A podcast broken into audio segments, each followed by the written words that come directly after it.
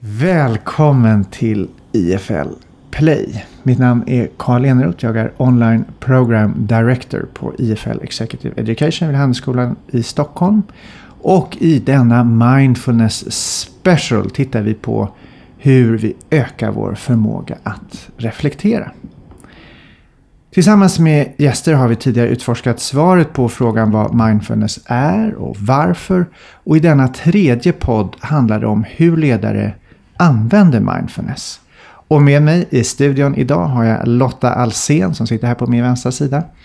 Eh, ledarutvecklare och entreprenör och nyss hemkommen från USA där hon har arbetat i Silicon Valley och Los Angeles. Och Jeanette Eidman, IFL programledare med mångårig erfarenhet av att utveckla chefer och ledare.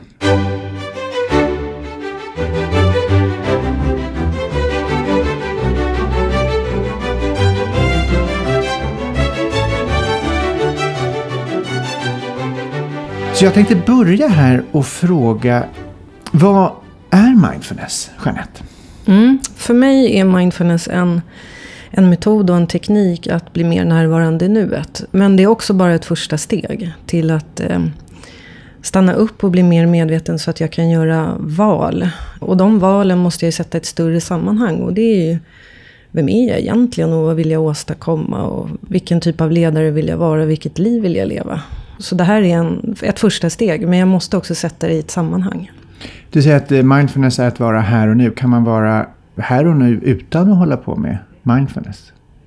Ja, en del tror jag kanske har lättare till det tillståndet av sin natur. Vad är det som avgör det? Vad säger, alltså, vad säger Lotta? Du har ju arbetat med många ledare kring de här frågorna antar jag. Jag tror jag håller med. Jag tror att det finns vissa ledare som har en, en förmåga att att sjunka ner och vara mer närvarande. Men för mig är mindfulness också en form av träning. Och det är ingenting, så du kanske kan ha en naturlig fallenhet mm. att vara mer närvarande. Men om man ser utifrån att du ska utvecklas som människa, vilket för mig är en av huvudpoängerna med mindfulness. Då är det ju många års träning att komma dit. Och då mm. behöver man öva sig helt enkelt. Då behöver man öva sig. Mm. Men hur, hur ser den här övningen ut då? Hur har ni äh, agerat på det?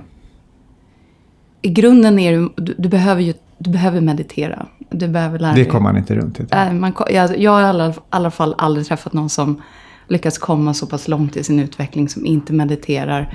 Men, och igen utifrån min egen eh, lilla käpphäst här med, med compassion-träning, att det är en lika viktig del. Men jag inkluderar oftast båda eh, när jag pratar om någon form av mindfulness-träning så inkluderar jag compassion i det. Du nämner compassion och love and kindness. Kan du kort beskriva vad det är för någonting?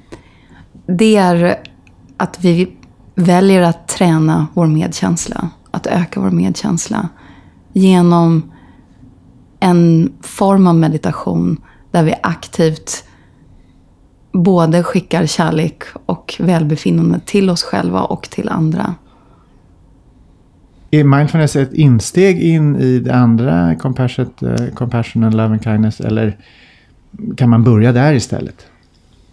Ibland skulle jag nästan rekommendera att man börjar med compassion, därför att det är nästan enklare att fokusera på att skicka, ja, inte kärleksbudskap, men, men skicka positiva känslor till andra människor. Eh, därför det, det är ett strukturerat än att bara stilla sinnet. För många, speciellt A-typ-personligheter som är väldigt stressade, så är det svårt att landa där. Mm. Och jag, inkluder, jag, jag rekommenderar ofta yoga också som ett sätt att och, och egentligen grunden med yoga var ju helt... Vi har ju missuppfattat det här med yogakonceptet. Poängen med att träna yoga är egentligen att lugna ner kroppen så pass mycket mm. att du sen kan meditera. Mm. Och det är ju det är första steget. Exakt, de flesta har, har missat den poängen med alla nya yogaformer där man ska se så snygg ut som möjligt. Ja, men det, det gör man ju. När man sitter där och sträcker på sig. Men du eh, pratar lite här om de stora frågorna också. Mm. Så det här är bara en lite, man skrapar lite på ytan men det finns så många nivåer, är det så du ser det? Inte skrapa på ytan utan det handlar ju om att vara i kontakt med mig själv. Och, och då håller jag helt med dig. Det finns ju ingen annan väg än att meditera.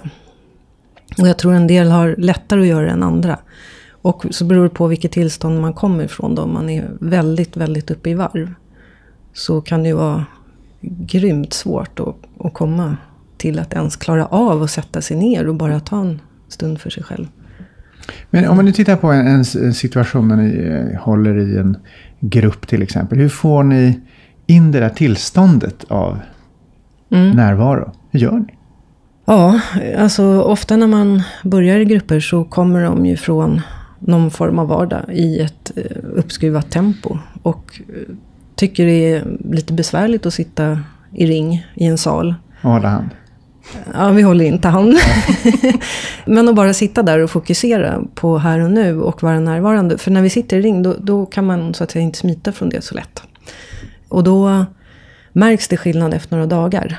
Och det vittnar de ju också om att eh, nu har jag landat, nu är jag här. Men det tar tid. Och då handlar det om att, att möta dem där de är. Det första jag gör är inte att börja med mindfulnessövningar utan mer gör andra övningar och så långsamt tar de ner till ett här och nu. Om det blir för stort krock mellan där de kommer ifrån så blir det också ett större motstånd. Jag har kört mycket utbildningar över telefon bland annat. Och där är grupper som deltar i telefon. Och, och då brukar jag inleda med först någon form av andningsövning.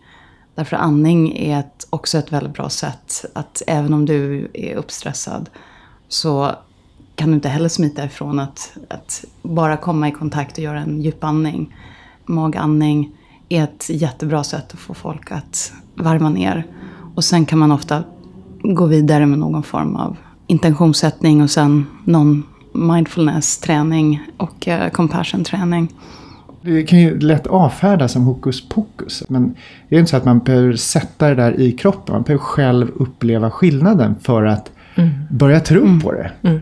Min grund är att om någon är helt, helt avstängd och tycker att det här är ja, hokus pokus eller, eller något liknande, wow. woho, och, eh, då är det ju det finns ingen anledning att försöka övertyga någon som inte är villig. Jag utgår någonstans från att du måste komma in med det här och ha någon form av nyfikenhet. Och, um, Man är det, öppen helt enkelt. En, ja, någon form av öppenhet. Ja, jo men den här flumfördomen den finns ju. Och jag tycker den är jobbig. Jag med brukar... rätta kanske? Nej, inte alls. Eh, för det här går ju, det finns ju massa forskning som bevisar alla positiva effekter.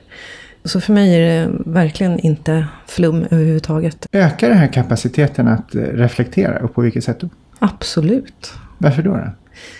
Om du inte stannar upp på närvarande nuet så kommer du ju eh, vara under vanans makt. Och tänka de tankar du brukar tänka och göra de saker du alltid brukar göra. I princip så gör du val men de är inte så medvetna. Så i ett närvarande mode så kommer det helt enkelt andra tankar. Och, Som och fler perspektiv.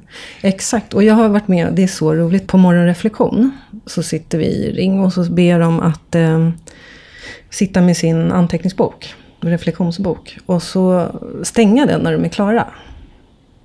Och då är det ju vissa som ja, kanske inte ens skriver någonting. Eh, eller som är klara på någon minut eller två. Och så vissa då som kanske tar 20 minuter. Men då sitter de ju där i ring. Och då händer ju det här att de som då har slagit igen boken och anser sig klara öppnar den igen.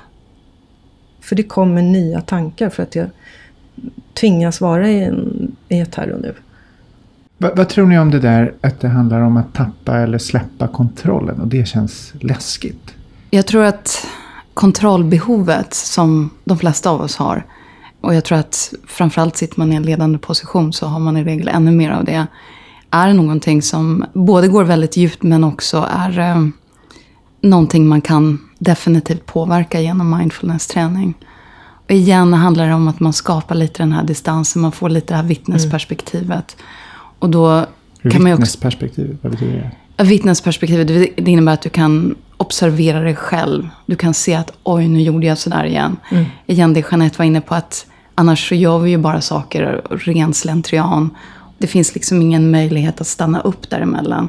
Utan vi får en, ofta en känsla och sen så agerar vi utifrån någon handling. Och så försöker vi motivera det intellektuellt efteråt. Och kontroll är ju en viktig del av hela det paketet. Men när vi kan skapa det här vittnesperspektivet och få den här distansen, det här glappet. Från, från mig själv och mitt ego, min, min uppfattning om eh, mig själv. Så finns det den här uh, vittnet som är mycket mer neutral. Och kan också se, nu gjorde jag sådär igen. Mm. Och jag kan därmed få ett medvetande. Så nästa gång kanske jag till och med hinner stanna innan jag säger någonting. Eller jag gör någonting. Så det handlar om att då gå från att vara tanken till att hålla en tanke. Och kunna släppa den då. Ja, framförallt är- släpp, släppa tanken. Att man inte är Och- sina tankar. Och jag tror igen att komma tillbaka till kontrollbehovet. Kontroll kommer ju i sin tur utifrån att vi finns någon rädsla. Vi behöver hålla tag i någonting. Vi, har, vi har någon uppfattning och sen rädslor har ju så många olika dimensioner. Och det är ju när, igen, att vi kan få en liten medvetenhet om att det är det som kontrollerar oss. Rädslorna. Ja, och då eh, finns det möjligheten att agera lite annorlunda. Så mindfulness kan vara ett sätt att eh, närma sig sina egna rädslor, eller? Mm. Hur skulle det vara om man... För nu behövs ju mindfulness, eller i alla fall runt det här bordet så känns det som mindfulness behövs. Mm. Hur skulle det se ut om vi gjorde så att mindfulness inte behövs? Hur skulle vi agera för att stödja ett sånt beteende? Är det ens möjligt, tänker jag. Eh, ja, ja, men jag tänker så här att förr så hade vi ju andra strukturer i samhället som såg till att vi stannade upp, kanske mer naturligt. Vad tänker du på? Eh, Ja, men eh, ta 50-talet när affärerna var stängda på söndagar. De stängde på lördagar klockan ett var det väl. Och så öppnade de på måndagen, gick inte ens att köpa mjölk någonstans. TVn slutade sända klockan 22. Eh, Det fanns liksom de här naturliga... Nu är Avbrotten. ja, nu, nu, strukturen i samhället att nu är det vila. Den finns ju inte nu. Jag hade en grupp här nyligen där alltså alla vittnar om en extrem stressnivå. De berättade om det eller man såg det på Nej, de eller? om det. De berättar ju, när vi jobbar med dem själva, med deras eh, jag i ledarskapet, så börjar de ju berätta hur de har det. De springer runt som skållade råttor och mår egentligen väldigt dåligt. Och har extrem, känner en extrem press på sig och kommer liksom inte ur den här spiralen. Där vi är nu så undrar jag om det ens går att komma till ett sånt tillstånd utan att vi medvetet jobbar med det. Det krävs träning helt enkelt. ja. Mm. Vad tänker du Lotta? Ja, jag skulle säga att jag ser inte heller att det skulle existera en värld. För även om man träffar Dalai Lama och liknande. De slutar ju inte meditera, de slutar ju inte. Utan det är ju en fortsatt... För mig är det så otroligt viktigt att se det här. Det här är en praktik. Det är inte någonting man gör någon gång eller Nej. går en kurs och sen är man klar. Våra hjärnor är inte funtade på det sättet. Vi kommer gå tillbaka till ett mindre medvetet tillstånd om vi inte tränar på det aktivt hela tiden. Ja, det är mer en process man får gå in i och arbeta med. Ja, fast även som du säger Lotta, om man nu har kommit till en större medveten närvaro. Så, så är inte den, jaha, nu kan jag ticka av det. Eh, nu är det klart. Utan det är en, en vad ska man säga, någon, någon slags kamp som jag måste övervinna varje dag. Du har ju ytterligare läst en program inom neuro leadership. Vad handlade det om? Vad lärde du dig där? Den utgår från, alltså forskningen om hjärnan är ett väldigt nytt forskningsområde. Ja, 20 år ungefär. Så den utgår från de findings man hittar där och kopplar det till ledarskap. Vad lärde man sig då? Jag är så glad att jag har gått den, för jag tycker nu att jag får ett språk som jag kan använda. Egentligen inte så himla mycket nytt, bara att jag kan vetenskap, säga så här, men det är vetenskapligt bevisat. Och då lyssnar folk på ett annat sätt. Än att avfärda det med ja, ja. Vad är det som är vetenskapligt bevisat? Ja, till exempel att mindfulness fungerar. Genom att då bli mindre stressad och mer Ja. kreativ och mer öppen för nya idéer eller Allt det där. allt det där. Ja, nej, men jag tänker att just att dels att stressnivån minskar eh, och ökat välbefinnande. Och bara det gör ju att du blir en bättre ledare.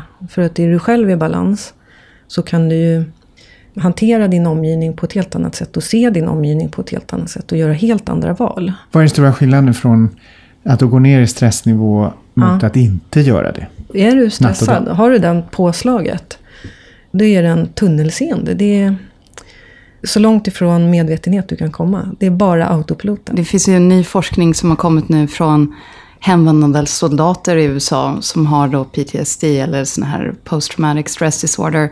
Och de har ju alla en förstorad amygdala mm. som är ju då eh, den äldsta delen av hjärnan. Och den, reptilhjärnan. Reptilhjärnan. Den är ju väldigt svår, ja, i alla fall om du har fått tillräckligt mycket trauma.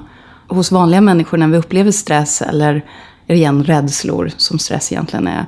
Så då förstoras amygdalan och tar över egentligen alla andra funktioner i hjärnan. Mm. Men när den väl har hamnat så att den är i permanent läge, då, då förminskas den inte, utan då är den alltid den som är styrande.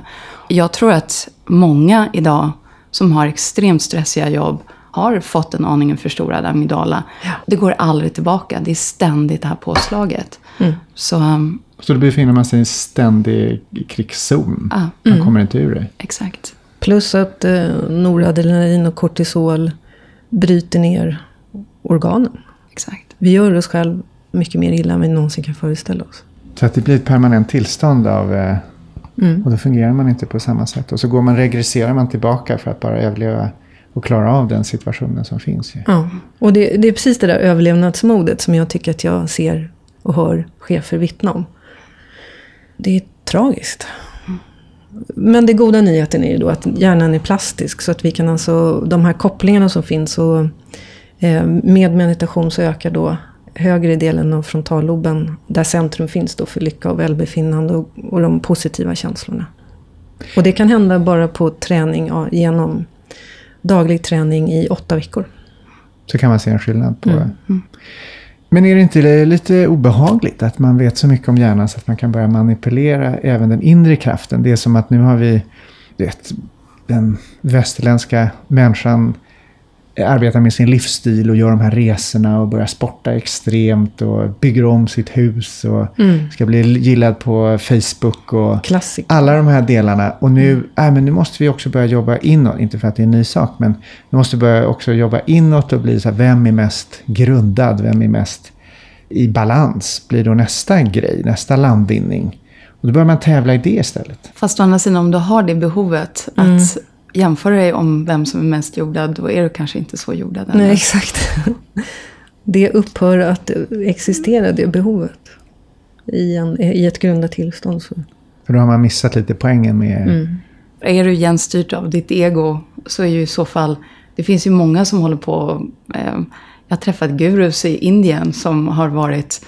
Eh, några av de största fullblodsegoister jag har träffat som är livsfarliga för att mm. de kan vara superkarismatiska. Men de använder ju då, då blir det ju bara ett verktyg för att uppnå ännu mer makt eller... Ja. Över andra, ja. Exakt. Så att om, om det är genuint, då, då har egot trätt tillbaka. Men här är det ju spännande saker, för mindfulness är ju då att träna hjärnan att stilla och någonstans producera bättre, bli liksom mer produktiv. Fast för mig är det inte det. Utan jag ser det som, jag ser att mindfulness, lite som du var inne på, det här är början till att bli en bättre människa. Mm. Bättre ledare. Och, och att därmed kunna göra någonting bättre för världen. Mm. Just det, och då blir det ju en kombination av att det första steget, om det är mindfulness, så behövs det någonting till. Ja. För att inte bara eh, kalibrera sin eget ego, bli ännu bättre ja. på det man redan gör, ännu mer fokuserad, ännu mer på ännu mer liksom orka med därför att man förmår också att gå mellan olika stressnivåer. Ja, och, och det är där jag tror att vi är där nu. Det är därför jag inte tänker att det är en fluga, utan vi är där nu av en anledning och det är att vi har drivit det så långt. Eh, det här med att vi ska bevisa, våra egon ska bevisa och vi ska tjäna mycket pengar. Och, och till slut så blir det ganska tomt. För vad, folk mår inte bra, de undrar vad livet går ut på. Och det är då man börjar söka inåt. Så jag tror att vi är där för att samhället ser ut som det gör. Och kanske också för att vi har nått en, om man nu tar Maslows behovspyramid, att vi mm. faktiskt har nått så pass högt upp att vi idag söker mer for, fler former av självförverkligande. Mm. Och det tycker jag man ser ännu mer i millennial-generationen, där det finns de förväntningarna och att, att, man, att man redan lever där på ett annat sätt. Det här är, jag tror att det här är egentligen bara början. Mm. Kan du utveckla lite den här idén om compassionate? Ja, compassion-träning är ju också att träna hjärtat. Och idag har man ju börjat förstå att hjärtat är ju en annan form av hjärna. Den har en enorm intelligens i sig. Men de flesta av oss har ingen kontakt med det, så vi har inte någon träning. Och genom loving kindness-träning så kan du också påverka vissa av de här stressbeteendena. Och du kan få ner kortisol på slagen som kommer utifrån stress. Och du kan helt enkelt rewire eh, ditt system, nervsystemet men också den kopplingen som går mellan hjärtat och hjärnan. Vagusnerven. Vagusnerven, precis. Det här är ganska ny forskning som har kommit nu. Och det har också visat att inte bara så att du mår mycket bättre, du blir faktiskt också lite lyckligare. Och jag sätter lyckligare inom citationstecken här, eh, hur man nu definierar lycka. Men att det, det finns en större, större känsla av välmående. Därför att när vi också fokuserar på andra och att skicka, för det är ju compassion-träning är ju att skicka både till oss själva och till andra, kan vi säga vänliga eller kärleksfulla tankar.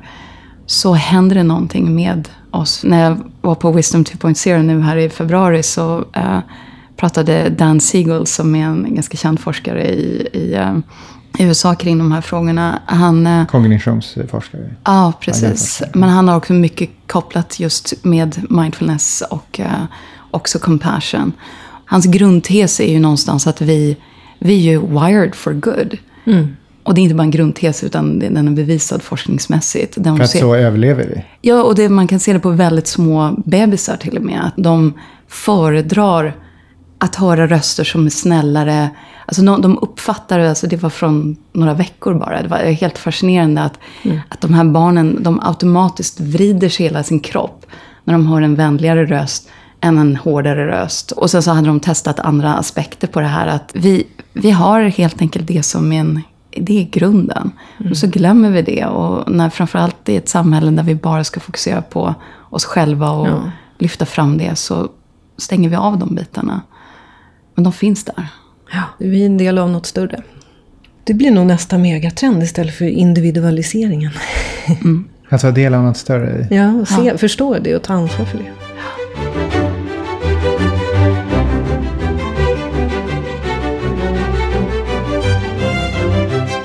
Hur kan man motivera att ge andra och sig själv tid att reflektera? Men jag tänker just för att vinsten är ju, förutom det här ökade välbefinnandet och compassion, ökad compassion och, och så vidare. Eh, så är det ju faktiskt att vara mer vaken, alert och fokuserad. När man väl är på plats? Exakt. Det är ju en, för jag, jag, det är en tankefälla att vi tror att ju mer vi jobbar desto mer får vi gjort. Där lurar vi oss själva. Vilan gör ju att vi kan prestera mer när vi väl är på plats.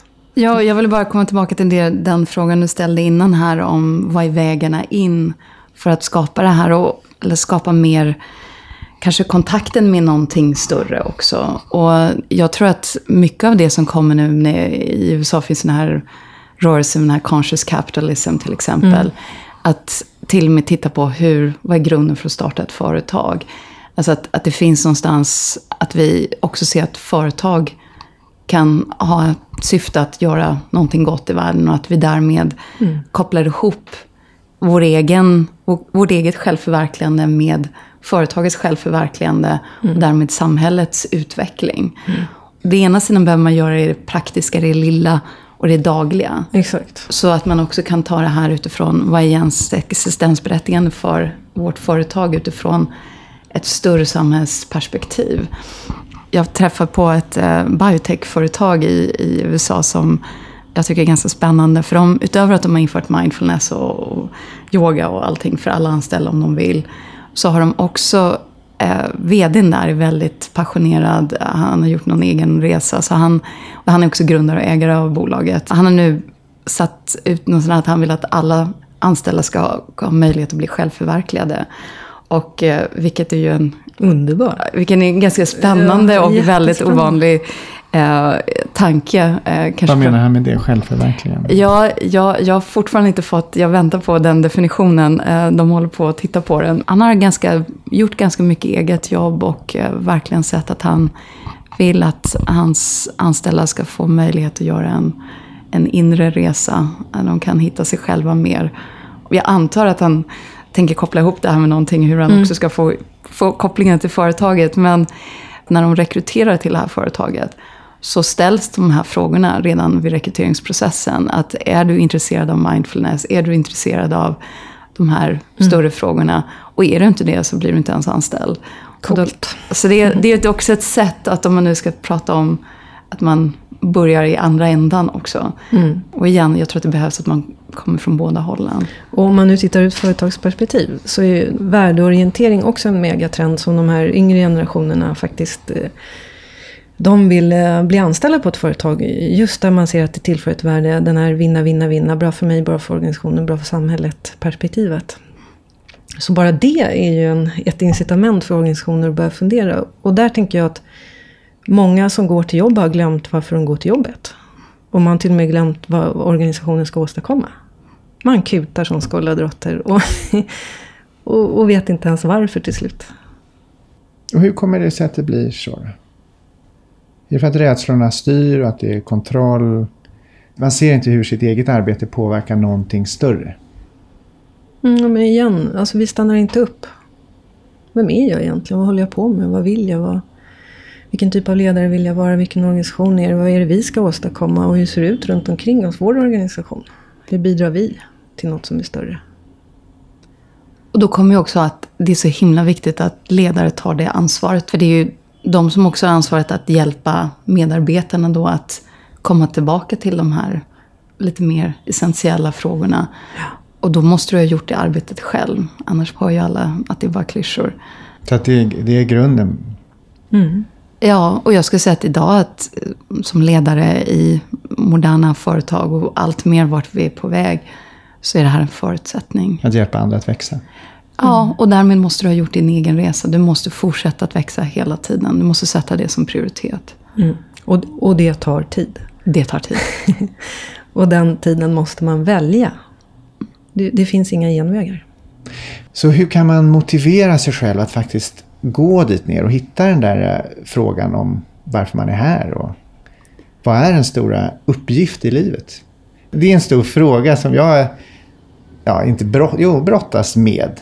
Att det är svårt att hitta det. Och hittar man en liten stund, nästa dag, ja, men det kan ju vara någonting annat också. Hur hittar man det där tydliga? För när man sen hittar det, om man tittar runt alla sportstjärnor och sådär, eh, och artister, de har ju haft det här från början, sedan de var fem år. Så, men jag ska bli liksom världens bästa fotbollsspelare. Och så kör de på det. Alla kommer ju inte dit. Men de som har gjort det, de som har tänkt så hela vägen, har ju faktiskt haft den där idén så länge.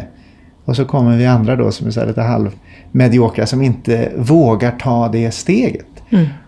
Och vad kan man göra för att eh, befinna sig i den zonen lite längre? Vissa kanske har haft att det har varit verkligen ett, en mycket, Kall. djupa, ett mycket djupare kall.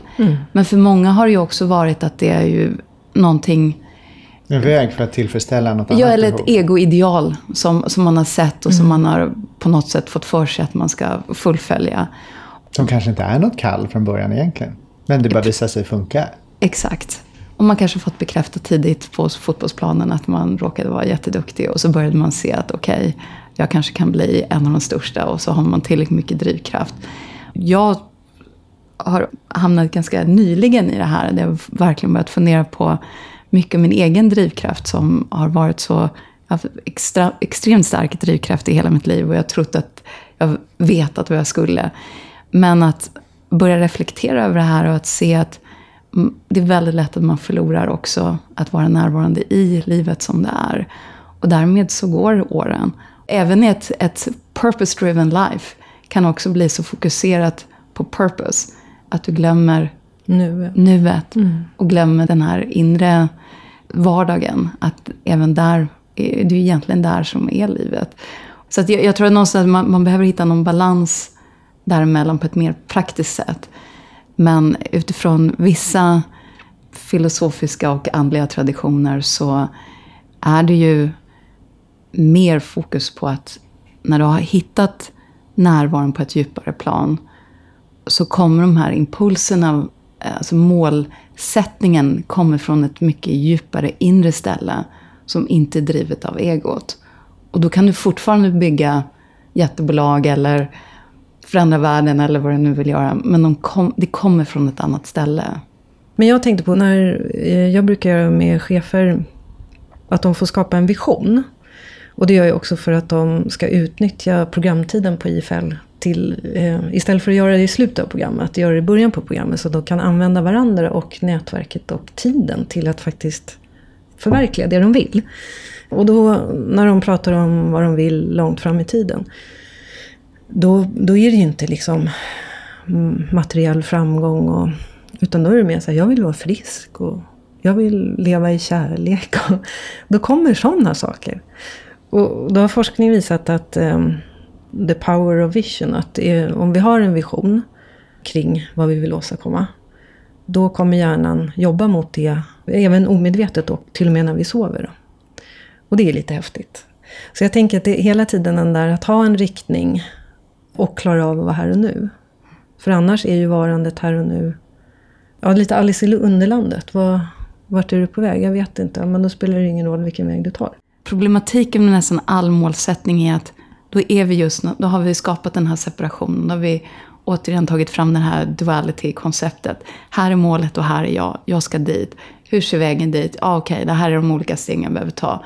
Och så behöver jag sätta upp någon, någon hundradagarsplan eller treårsperspektiv för ett bolag. Det är otroligt svårt att samtidigt stanna i vad är närvaron i stunden. Men mm. om kommer vi från det här andra stället så kan vi fortfarande nå våra mål.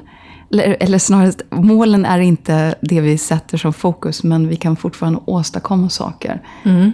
De kommer bara från ett annat ställe. Mm. Jag tycker det är väldigt bra att man eh, bryter den där känslan av ensamhet eller isolering som kommer av att egot ska definiera sin omvärld. Och så upplever jag i alla fall att de mål som sätts upp är helt godtyckliga.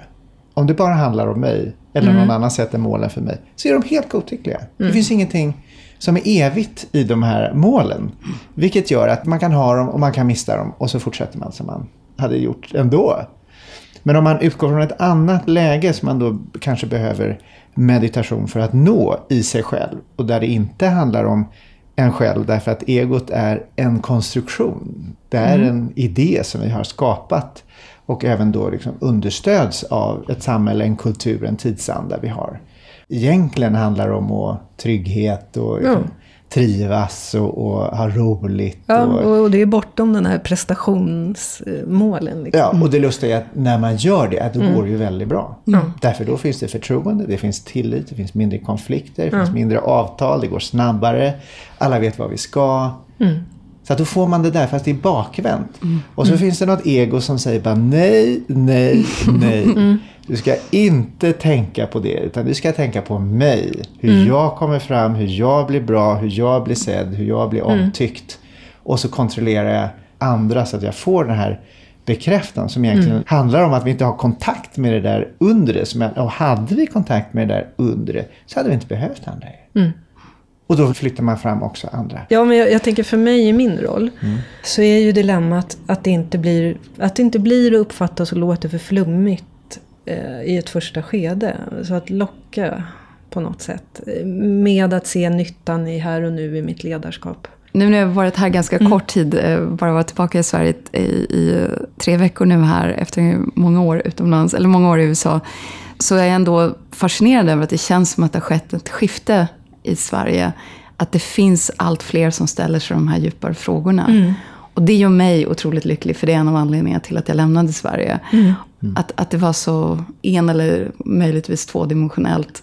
Och avsaknaden av de här djupare existentiella frågorna.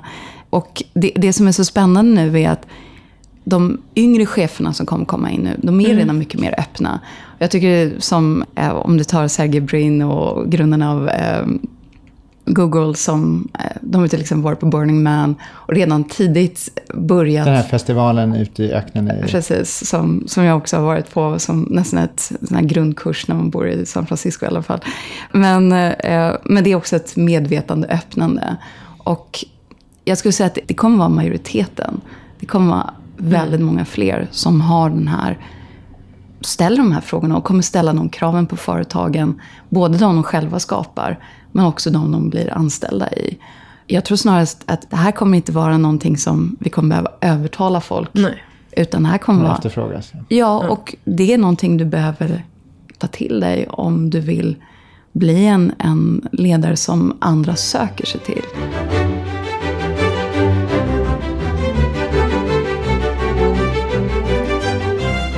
Och apropå chefer så intervjuade jag Ingrid Engström förra veckan. Hon är ju VD för IFL. Och på frågan om när hon började med mindfulness så svarar hon så här.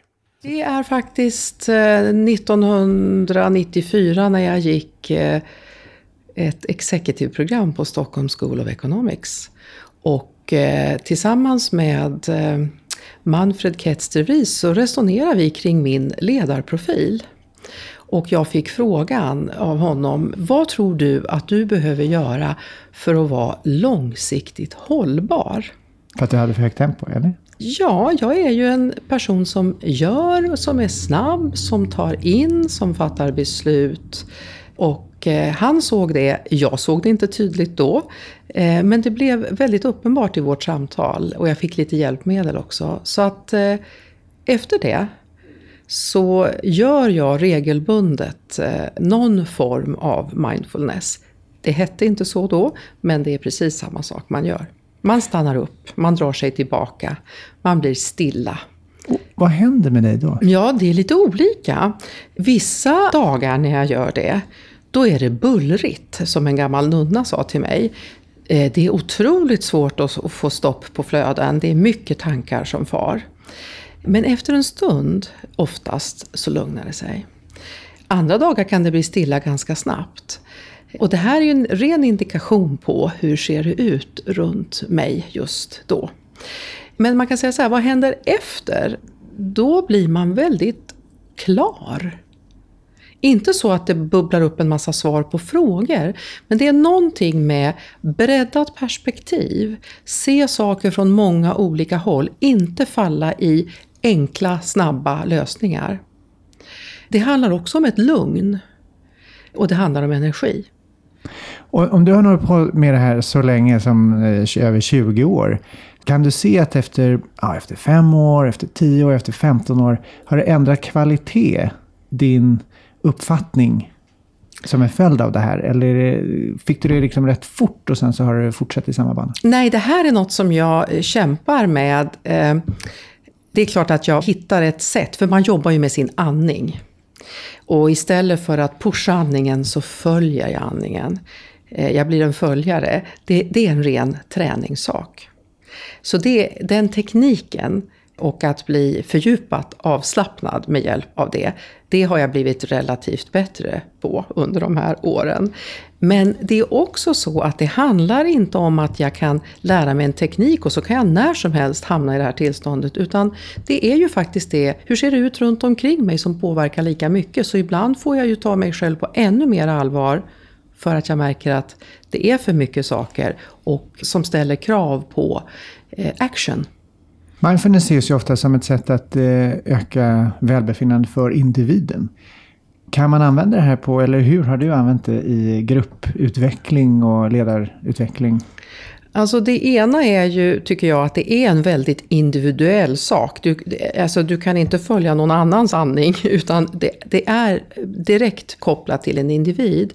Men det är helt klart så, alltså det här att vara på, som man säger, 24-7 och ha beredskap för att när som helst handla. Det ger alla medarbetare och ledare, det ökar ju trycket. Så att det är otroligt viktigt att jag på något sätt stänger av, blir stilla och återhämtar mig. Så att jag tycker att det är en individuell fråga. Den är en personlig, det, det jag gör är personligt. Men om jag eh, finns i ett sammanhang i ett företag och är chef eller leder olika andra människor eh, så, så, är det också en fråga om att vara, håll, ha ett hållbart ledarskap. Så att genom att göra det så påverkar jag andra positivt. Så det är indirekt som att det är ledarens roll som påverkar de andra? Det är det du ser i? Jag, jag tror att man, blir en, eh, man fattar bättre beslut, man blir en angenämare person och man mår bättre. Och det är ju viktigt i ledarskap. Eh, och jag tror också att det är så självklart idag att man satsar på hälsa i företag. Och då gör man ju det för att man månar om individer men man månar också om företaget och företagets utveckling. Och då har vi olika eh, gymkort och eh, olika initiativ. Jag är helt säker på att vi som företagare också behöver satsa på hjärnan. Därför att den ska hålla otroligt länge. Och det är nya krav i informationssamhället, i sociala medier, där allting går fortare än det någonsin har gjort. Och det kommer bara att öka. Och att investera i hållbarhet, som inte bara omfattar kroppen utan också hjärnan, det blir en otroligt viktig strategisk fråga. Så där passar mindfulness in också? Ja, och jag tror man ska tänka så här att mindfulness är många olika saker. Jag är alltid rädd och misstänksam mot förenklande begrepp. Så för mig handlar det om alla tekniker och metoder och förhållningssätt där man stannar upp, blir stilla och genom andning hittar en, en inre stillhet som är kroppens absoluta och hjärnans absoluta motsats till handling. Om man tittar på morgondagens ledare som är något av IFLs eh, kärnkompetens. Mm. Vad passar här begreppet in där? Ja, Behöver de tränas i det här, tror du? Eh, det gör vi redan. Vi tränar både, vi erbjuder olika former av mindfulness i våra program. Vi pratar om det och eh, vi har, eh, alltså när vi pratar reflektion så kanske man inte behöver yoga innan man reflekterar varje gång. Men det finns ju en koppling mellan förmågan att göra bra reflektion, alltså ta många perspektiv och få tillgång till det. Det tror jag man gör bättre om man har förmåga att kliva ifrån det här att hela tiden göra och reflektera. Så att de hänger ju ihop. Och reflektion som metod, det har ju vi under många, många år eh, som en röd tråd i lärande. Därför att det stärker lärandet. Och eh, att stanna upp och tänka efter och få flera perspektiv. Men också fokus. Jag tror att man, man får eh, ett väldigt mycket bättre beslutsunderlag. Kan du ge några bra exempel, eller kan du ge några exempel på hur mindfulness eller de relaterade koncepten har hjälpt till? i en förändringsprocess? Jag har själv praktiserat det några gånger, men jag, jag tror inte det riktigt sitter i företagen än. Däremot sitter det i olika individer. Och eh, jag har ju pratat och lyssnat på flera koncernchefer för de stora företagen, internationella företagen i Sverige. Och flera av dem har i sina personliga, när de pratar om mitt eget ledarskap, tagit upp vikten av att reflektera. Så att jag tror Och inte att, bara då på ett analytiskt sätt utan ett mer bredare perspektiv? Det, det, det, finns säkert alla, alla, hela skalan. Men bara det att det är ett område som man tar upp. Och det handlar ju om att det är en, en så stor press. Och det är ju inte så att det någonsin blir tomt på frågeställningar. Och då behöver man ta ett aktivt ansvar och faktiskt eh, kliva tillbaka och reflektera. Och sortera, för det är ju det man också gör. Vad är stort och smått och vad är viktigt och oviktigt? Det finns ett dilemma för alla chefer och det är att man fastnar i alla kortsiktiga frågor som behöver svar nu. Därför att det trycket, och de kommer på dig hela tiden. Eh, men det är ju bara halva ditt jobb, så du behöver kunna sortera vilka av dem är viktiga för mig och vilka eh, kan jag delegera och kanske till och med säga vilka är oviktiga för att få rum för de långsiktiga frågorna. Så att det är hela tiden en balans. Du praktiserar ju mindfulness eller meditation, om inte dagligen så nästan dagligen. Men mm. du gör också på andra sätt har jag hört. Mm. Hur då? Mm. Det gäller ju att ge sig själv tid att komma ner i de här väldigt stilla stunderna. Och det ena som gör att man gör det, det är att man gör det ofta. Och därför gör jag det på morgnarna tidigt. Det är det första jag gör när jag vaknar. 15 minuter, 20-30 minuter? Eh, ja, kan vara. Ibland har jag inte mer än 10 minuter, då gör jag det 10 och ibland kan det bli lite längre. Det kan både vara meditation och rörelser. Det kan ibland vara med den här musiken som jag pratade om, som är månghundraårig. Och hur har jag då kommit på den här mixen? Jo, jag reser åtminstone en gång per år till olika kloster och det har jag hållit på med sedan då mitten på 90-talet. Och eh, det har tagit mig runt jordklotet och det innebär ju att det har kommit lite olika influenser. Men det är samma grund. Så oavsett om jag har gjort det i Indien eller i Florens eller i Estland och så vidare, eller i Vadstena där vi började, så eh, följer det samma grund men med lite spännande influenser. Och då är det en vecka, fem dagar? Eh, det har varierat från eh, två veckor ner till 48 timmar. Och när du kommer ut ur den där efter två veckor, vad känner du att Nej, men nu ska jag göra någonting helt annat? Eller säger nu ska jag göra precis det jag gör fast ännu lite bättre? Hur tänker du då? Eh, jag tänker att nu ska jag göra det som är riktigt viktigt. Det ska jag ha fokus på. Och det är det som kommer fram ur... Ja, det klarnar. Alltså meditation handlar om att det klarnar. Därför att du ger dig tid att undersöka och eh, se på saker och ting ur flera perspektiv. Och du har både känslor och hjärna med dig. Men ingen action, det är det som är poängen. Hur gör du med all eh, din otålighet? Jag kämpar med den varje dag. Och det är därför jag också försöker att verkligen meditera varje dag. Därför att eh, det är ju min egen personliga lärdom att har man mycket handlingskraft så måste man eh, se till att man får lika mycket mindfulness. Nu har vi lyssnat på Ingrid Engström som pratar om sin resa. Har ni gjort eh, en liknande resa eller en annan resa? Vad säger du Jeanette? Jo, men jag har varit iväg veckovis och, och, mediterat och upplevt ett lugn som är svårt att beskriva. Och ur det lugnet kommer sen en enorm kraft och energi och kreativitet. Det var en sån häftig insikt att kreativitet kommer ur stillheten, inte ur associationsbanor och tempo. En annan upplevelse är när jag skulle utbilda mig till mindfulnessinstruktör. Att dagligen göra det hemma. Och att se liksom hur det långsamt, långsamt förändras. Och efter åtta veckor faktiskt, wow, det har hänt något. Komma från en annan plats som du pratade om Lotta. Man kanske kan säga att hela mina 14 och ett halvt år nu i USA, i Kalifornien, har varit just en sådan resa. Att hela tiden för varje år egentligen hitta mer mig själv och hitta mer ett inre lugn. Och det visste jag inte om. Jag visste inte om när jag flyttade till USA att det var det som egentligen var meningen. Men eh, jag har gjort många olika former av eh, resor. Ibland behöver man verkligen flera veckor för att få den här inre stillheten. Mm. Jag skulle säga också att i början är det, är det bra att, att, om man kan ta sig lite mer tid.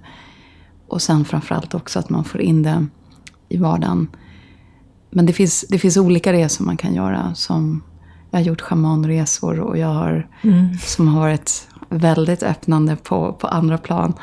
Och, eh, och kanske egentligen har varit förutsättningen för att kunna gå djupare.